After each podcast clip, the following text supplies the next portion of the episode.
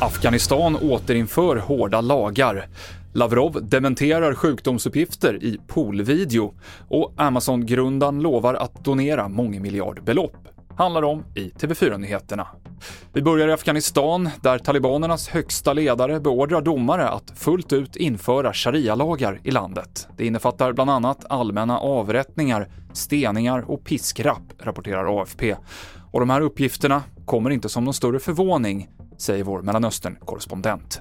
Det här är ju samma ledare som satt eh, i ledarskapet då 96 till 2001 när, när ju Afghanistan hade ett fruktansvärt brutalt styre och, eh, och många människor drabbades, framförallt kvinnor och unga flickor. Och allting som har hänt den senaste tiden, alltså från då ett och ett halvt år sedan när de tog ledningen i augusti förra året tills nu har visat på varje gång att det blir mer och mer eh, bakåtsträvande.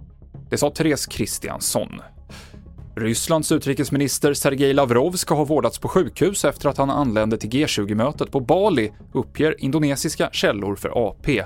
Men det ryska utrikesdepartementet dementerar och säger att Lavrov enbart besökte sjukhuset för en rutinkoll. Ryska UD har också publicerat en video på Lavrov där han i shorts och t-shirt vid en hotellpool säger att uppgifterna är en del av ett politiskt spel. Ukrainas president Volodymyr Zelensky besökte idag staden Cherson som Ukraina förra veckan tog tillbaka kontrollen över efter att de ryska trupperna dragit sig tillbaka. Och symbolvärdet i det här är stort, säger vår kommentator Rolf Porseryd. Det här är väl, skulle jag säga, den stora framgången för presidenten att han kan eh, resa in i den nu befriande, befriade första stora staden som ryssarna tog redan i februari och nu är den tillbaka i ukrainsk ägo.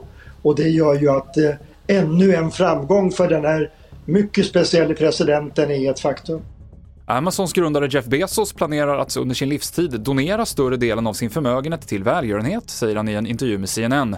Pengarna ska gå till att bekämpa klimatförändringar och till personer som kan förena mänskligheten i en tid av djupa motsättningar, säger Bezos. Men det är oklart hur han ska gå tillväga.